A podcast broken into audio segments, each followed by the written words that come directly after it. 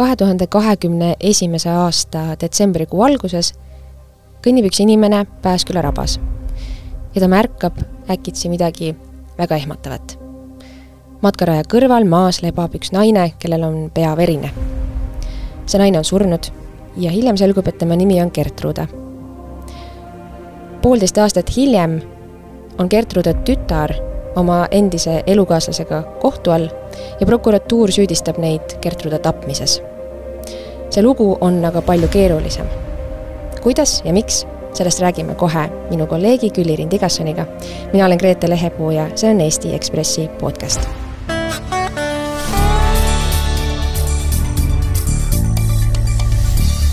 tere tulemast podcasti, Külli-Riin! tere!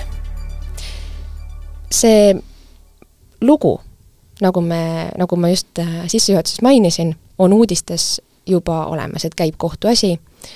Äh, Anna-Maria, kes on selle loo peategelane, teda võib-olla tituleeritakse või sildistatakse isegi ematapjaks. Äh, miks sa selle loo kajastada võtsid, kui uudistes me tegelikult sellest loeme nagunii? selliste lugude puhul huvitab mind ajakirjanikuna see laiem sotsiaalne patoloogia, mis on selliste tegude taga või mis on viinud nendeni.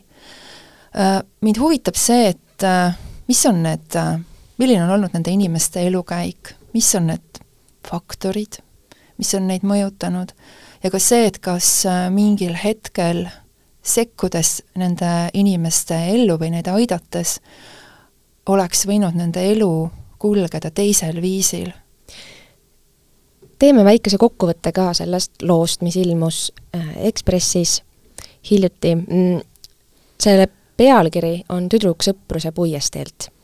kes on see tüdruk sõpruse puiesteelt, keda sa seal kirjeldad? no jaa, loo, loo peategelane on Anna-Maria, ta on kahekümnendates äh, eluaastates ja need kohtuistungid tema üle, et Anna-Maria viibib praegu kinnipidamisasutuses koos Andresega, kellega ta koos elas, need algasid juba eelmise aasta oktoobris. ja kui ma hakkasin seal ajakirjanikuna käima, neid istungeid kuulama, et siis äh, kõige alguses see tundus mulle lihtsalt niivõrd julm ja seletamatu tegu, niivõrd kohutav. ja ma mäletan, et ma millalgi isegi istungi vaheajal küsisin prokurörilt, et äh, et kuidas tema seda seletab, et, et neil pidi olema ju mingi tohutu viha seal taga ja prokurör ütles mulle lihtsalt, et käige edasi ja kuulake. ja kui istungid olid käinud juba kolm, peaaegu neli kuud, jaanuari lõpus, siis äh, loeti ette saalis Andrese antud äh, tunnistus politseile et ei Andres ega Anna-Maria ise ei olnud nõus äh, kohtus ütlusi andma, et sellepärast loeti ette see, mis oli siis äh, Andres ise äh, politseile rääkinud. ja ta ütles seal siis muuhulgas, et teataja oli vihane Anna-Maria ema peale, kuna see oli oma tütrega teinud, kui tütar oli laps, väga palju ebamõistlikke asju oli teda noh, lihtsustatult öeldes kuupeldanud. ja kui ma kuulsin seda, siis see tundus mulle asjana, mida peaks kontrollima, ma küsisin ka prokurörilt, et kui nad uurisid seda asja, et kas siis äh, uuriti ka Anna-Maria lapsepõlve kohta äh,, prokurör äh, prokuröri jutust mulle jäi mulje, et seda nad ei olnud nagu väga palju sinna süüvinud ja siis ma otsustasin, et, et ma siis äh, uurin ise, et äh, kas see vastab tõele, mida Andres rääkis äh, kohtule ja et ma uurin ka seda, et äh, et kuivõrd äh, Anna-Mariat püüti aidata, kui ta oli lapseealine. et lapse õiguste konventsioon ütleb, et äh, lastel on õigus kasvada keskkonnas, mis toetab nende vaimset, füüsilist, kõlbelist, sotsiaalset arengut. ja kui vanemad seda ei tee, siis peab äh, sekkuma äh, avalik võim sellesse. kuidas sa selliseid lugusid uurid, kuidas sa lähed täiesti võõra inimese tausta kontrollima, uurima, teada saama? no see on iga loo puhul ju erinev, et mõne, mõne loo puhul on nii, et et kohtusaalis on mõned kannatanu lähedased, kellega saab jutule. Mm,, päris palju saab ju töötada ka noh, erinevate dokumentidega, vaadata teisi kohtulahendeid. aga selle loo puhul ei olnud äh, võimalik äh, nende lähedastega rääkida, et ma rääkisin natuke selle Andrese vennaga, äh, aga no põhilise info ma antud loo puhul sai nii, et ma otsustasin siis välja selgitada, et kus Anna-Maria oli lapsena elanud ja pöördusin tema kunagiste naabrite juurde, naabrite poole. Ja see oli suur üheksakordne maja Sõpruse puiesteel ja niipea, kui ma kõige esimesele inimesele, kelle ma leidsin sealt äh, ühistust, helistasin, ta ütles mulle, et ta mäletab Anna-Mariat, ta mäletab tema ema ja põhimõtteliselt ta kinnitas mulle seda, mida siis äh, kohtus oli, oli rääkinud Andres, aga no kõiki fakte peab äh, kontrollima ju rohkematest allikatest. Ja siis ma rääkisin veel ühe allikaga sealtsamast majast, kes mäletas Anna-Mariat lapsena, taas väga usaldusväärne allikas, et ma ei tohi nende nimesid ega ameteid nimetada, aga ütleme, väga haritud ja ja, ja oma ala professionaal, keda võib täiesti usaldada. ja siis ma rääkisin ka veel kolmanda allikaga äh, sealtsamast majast ja põhimõtteliselt äh, ma sain kinnitust sellele, et see, mida Andres oli kohtus rääkinud, et seda mäletasid ka naabrid. keegi muidugi seal juures vahetult ei olnud, aga no Anna-Mariaga elas koos ka tema vana-vanaema, kes siis omakorda suhtles seal mingil määral maja elanikega ja noh, maja elanikud olid, olid ikkagi kursis, kes omavahel suhtlesid, et mis seal toimus. Ja ja ma mäletan, et üks nendest naabritest, kellele ma helistasin ja ütlesin, et mind huvitab see Gertruda, tema lugu, esimene asi, mis ta mulle pahvatas telefoni, oli see, et ma vihkan seda inimest elu lõpuni selle eest, mida ta oma lapsele tegi. see on ikka väga tugev väga tugev emotsioon. väga tugev emotsioon, aga samas ma ajakirjanikuna tundsin ka kogu aeg äh, seda lugu tehes, ma pidin meeles pidama, et äh, Gertruda oli ka tegelikult ju lõpuks koritöö ohver.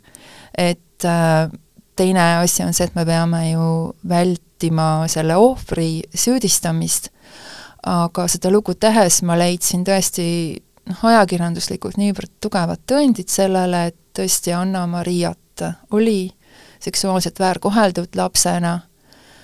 Ja, ja ema siis kas vaatas pealt või siis soodustas seda, kui Anna-Maria oli laps. Ja mind üllatas ka see, et kui ma käisin ka Tartus toimikuid lugemas, et siis Anna-Maria ema oli ka olnud kohtu all, kuna ta oli, tuvastati, et ta oli oma lapsele andnud narkootikume siis Anna-Mariale endale, kui tütar oli seitseteist, siis ta oli isegi maininud seal uurijale, et tütar tegeleb prostitutsiooniga. tüdruk oli ju alaealine tol hetkel? ta oli alaealine sellel ajal ja siis ma uurisin omakorda, et kas siis selle vihjega äh, prokuratuur ja politsei võtsid midagi ette, et kas nad äh, uurisid, et kas seal võib olla kliente või seal võib olla vahendajaid, aga seda ei tehtud. et korraks hästi põgus kokkuvõte teha, siis seal Sõpruse puiesteel ühes neljakümne nelja ruutmeetrises korteris elasid ema, äh, vana-vanaema ja, ja siis Anna-Maria, naispere, kelle elukäik hakkas äh, alla minema pärast siis vanavanaema surma. tegelikult ikkagi juba enne? juba enne. ja need olid õnnetud inimesed, kes ei saanud oma eluga hakkama ja seal juhtus koledaid asju ja nagu sa kirjeldad, et naabrid olid sellest tegelikult teadlikud. kuidas naabrid sulle ütlesid, kas ähm, ma ei tea, ma kujutaks inimlikult ette, et ähm, tekib mingi süütunne, et me ei aidanud või et me ei olnud seal Anna-Maria jaoks, kuidas nad seda ise mõtestasid lahti? No tänapäeval on muidugi, et kõik inimesed teavad seda telefoninumbrit, kuhu tuleb helistada, kui sa tead abivaja, et on ab, abi vajav laps, ma igaks juhuks vaataksin selle üle, enne kui ma hakkan seda siin eetris ütlema, aga on ju olemas see lasteabi telefon, see äh, Anna-Mariaga juhtusid need asjad ikkagi aastal kaks tuhat kümme, kaks tuhat üheksa, kaks tuhat üksteist Grete näitab mulle siin seda numbrit, see on üks, üks, kuus, üks, üks, üks on lasteabi number. aga toona võib-olla, see ei olnud nii ammu, kui Anna-Maria oli laps ja teda väärkoheldi, aga sellel ajal võib-olla noh, inimesed ei olnud nii teadlikud sellest, et on võimalik anonüümselt äh, anda teada abi vajavast lapsest sellele numbrile ja ikkagi ka need inimesed kartsid. Nad kartsid äh, Gertrudat ja nad kartsid neid äh, inimesi, kes seal äh, tema juures käisid, et nad lakkamatult helistasid politseisse, palusid abi, mulle räägiti ka, kuidas äh, need Gertruda juures käinud inimesed, kes siis tõenäoliselt siis käisid sealt narkootikume ja võib-olla veel midagi siis äh, ostmas, et nad ka ründasid äh, trepikojas inimesi, kui mm. keegi tuli neid korrale kutsuma. seal isegi oli üks olukord, kus seal trepikojas äh, oli üks noor naine koos oma lapsega, kes pöördus nende Gertruda korteris käinud inimeste poole, et mida te siin teete ja teda lihtsalt löödi. et need inimesed kartsid seda seltskonda ja nad tegid äh, oma parima, nad kutsusid kohale politsei, kes siis äh, oli jõuetu, nagu ütles üks mulle üks mu allikatest. kui ma õigesti mäletan, siis see põhjendus oli see, et politsei ei saa minna teise inimese koju, sest see on nende eravaldus või et nad ei saa minna kellegi koju ja öelda, kuidas sa pead, on ju, elama või käituma. et see oli see põhjendus, jah?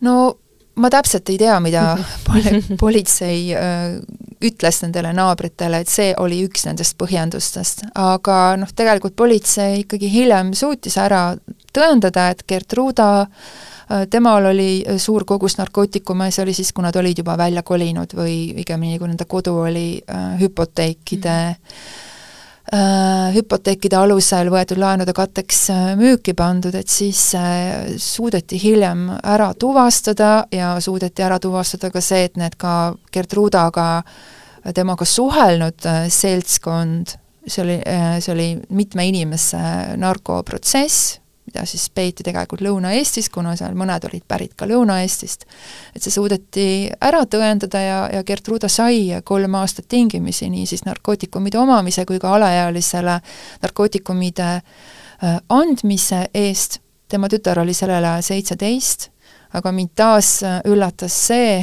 et äh, kui Gertruda sai oma karistuse, et siis talle ei määratud kriminaalhooldajat, kriminaalhooldaja on see inimene, kes siis kui, eriti kui äh, emal on alaealine tütar, kes siis saab talle koostada kriminaalhoolduskava, jälgida, kas ta parandab oma vanemlikku käitumist. vanemlikku mm -hmm. käitumist ja saab siis koordineerida ka koostööd äh, lastekaitsega, seda ei tehtud, Anna-Maria elas suure osa siis ajast, kui ta oli seitseteist, hoopis äh, Koplis ühes äh, korteris, mis kuulus ka ühele sõltuvushäirega inimesele, kes on ka selle eest karistatud. tema ametlik aadress oligi seesama Sõpruse puiestee, kus ta oli lapsena elanud, et ja temaga ta ilmselgelt ei saanud piisavalt abi õigel ajal. ajakirjanikena me kunagi ei võta kellegi eraelu niivõrd detailselt lahti ekseldada lihtsalt niisama, et meil on, ma ei tea, huvitav või et me igav või midagi sellist. seal taga on alati mingisugune suurem üldistus ja mingi suurem lugu. mis see selle loo puhul on? no selle loo puhul on, äh, neid üldistusi on nagu päris mitmeid.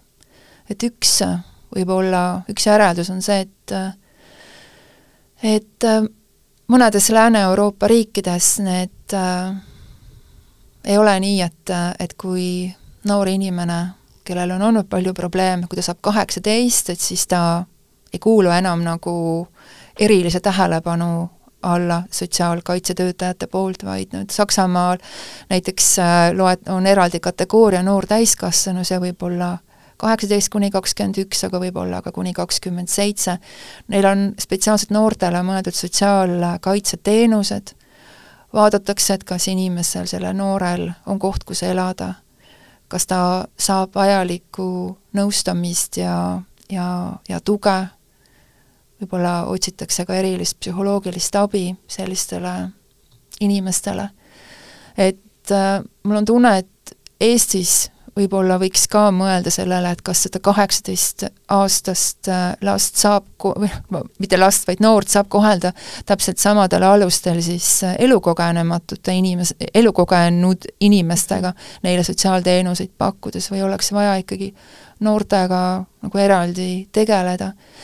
ja teine selline mõtlemapanev koht on minu jaoks ka see, et äh, et antud loo puhul sai lastekaitse teada, et äh, selle lapsega on probleeme hilja.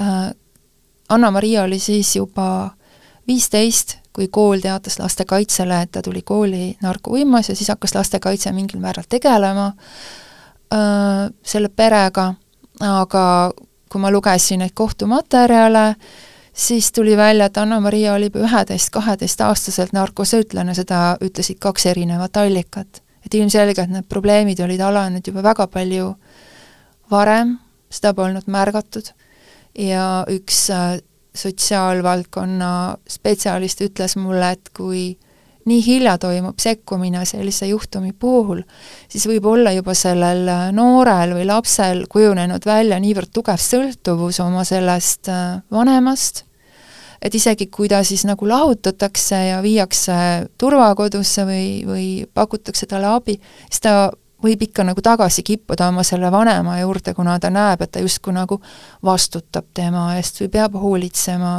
et ta on nagu sõltuvuses temast, et kui see sekkumine toimub varem probleemsete perede puhul, et siis lihtsalt on tulemused paremad. miks varem ei sekkutud?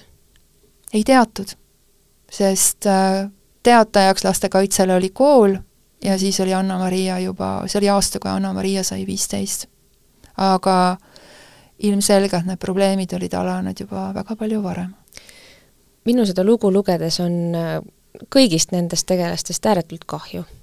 vist inimlikult tohutut kahju, kuigi nad on teinud oma elus ka valikuid ja tegusid, mida me ühiskonnas äh, noh, maksimaalselt hukka mõistame, on ju kellegi tapmine äh,, ei, ole kuidagi andestatav või õigustatav. ometi me näeme, on ju see lugu, mis sa jutustad, et me näeme, kuidas see selline raev või viha võib olla kerinud. et kuidas sa inimesena, kodanikuna, tegelikult ka ajakirjanikuna selle raske teemaga, kuidas sa neid küsimusi enda jaoks oled lahti mõelnud? või kas üldse saab lasta ajakirjanikuna neid kõiki küsimusi endale väga ligi?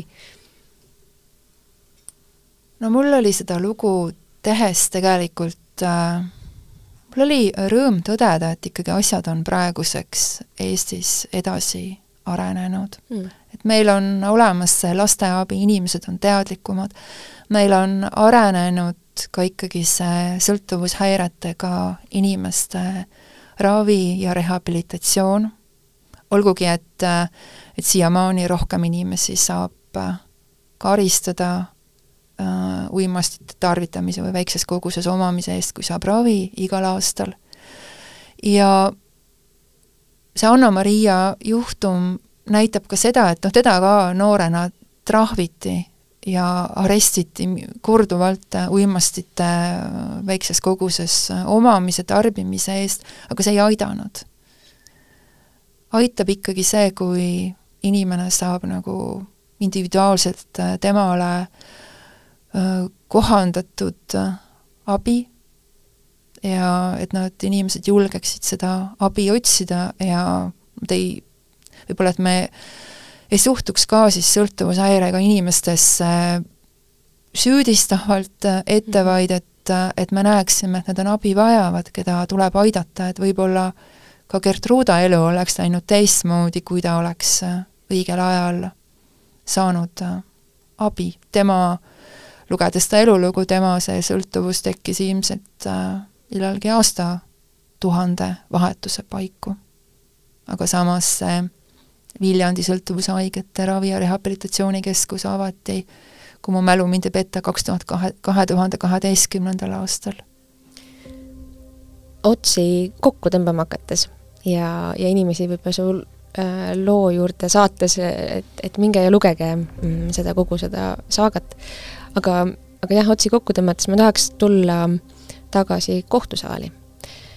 kohus peaks otsuse tegema juuni alguses, et mis siis on mis siis saab sellest kõigest. kuidas sulle on paistnud, mismoodi Anna-Maria ja Andres seal kohtus ise on, kas nad kahetsevad, mil-, millisena nad seal seda otsust ootavad? üks, mis torkab silma, on see, et nad äh,, nad elasid ju koos. lühikest aega küll, aga siiski enne kui nad selle teo toime panid ja Andres äh, on ka rääkinud nii politseile kui ka tema vend mäletab seda oma sellest tohutu suurest nagu kiindumusest äh, Anna-Maria vastu, aga praegu kohtus on näha, et nad nagu, nad väldivad pilkkontakti. Nad äh, väga vähe on, on vaadanud äh, üksteise poole. kuigi nad istuvad peaaegu et kõrvuti. jaa, nad istuvad kõrvuti ja noh, Anna-Maria näost on võimatu tegelikult, tal on ma-, mõlemal on maskid ees ja ta on otseses tal... mõttes meditsiinilised maskid, ma igaks juhuks täpsustan, mitte ülekantud tähenduses. ja, ja Anna-Maria istub seal tegelikult kogu aeg ühesuguse näoga, tema pilk on suunatud nagu ühte punkti kauguses.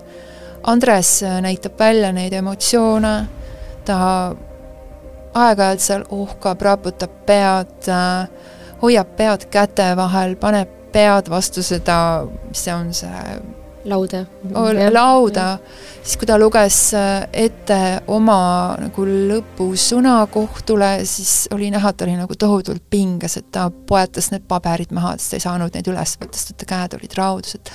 et on näha, et ta nagu mida ta äh, lõpusõnades ütles, mis see põhimõt-, point seal oli? ma olen need üles kirjutanud, aga ei aga mulle, mulle, mul ei ole need meeles. Äh, Anna-Maria lõpusõnad mul on meeles, ta ütles, et et et, et see on väga suur kaotus, tema ema surm tema jaoks ja ta ei andesta seda kunagi mm.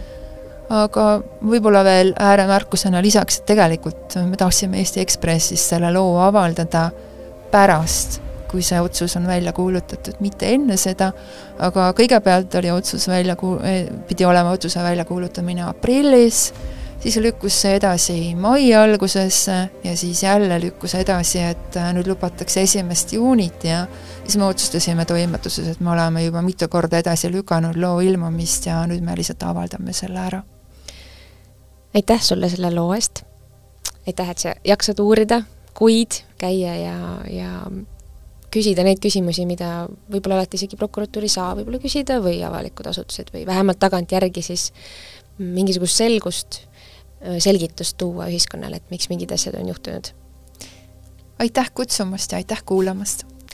jaa, ootame teid tagasi Ekspressi podcasti kuulama ikka, meid saab kuulata kõigist podcasti kanalitest, mis on teil nutitelefonides, aga samuti ka Delfi taskust, Delfi tasku äppi saate alla laadida ja märgite Ekspressi podcasti enda tellimuseks, siis saate kohe teada, kui uus osa on väljas. kõike head, elage hästi!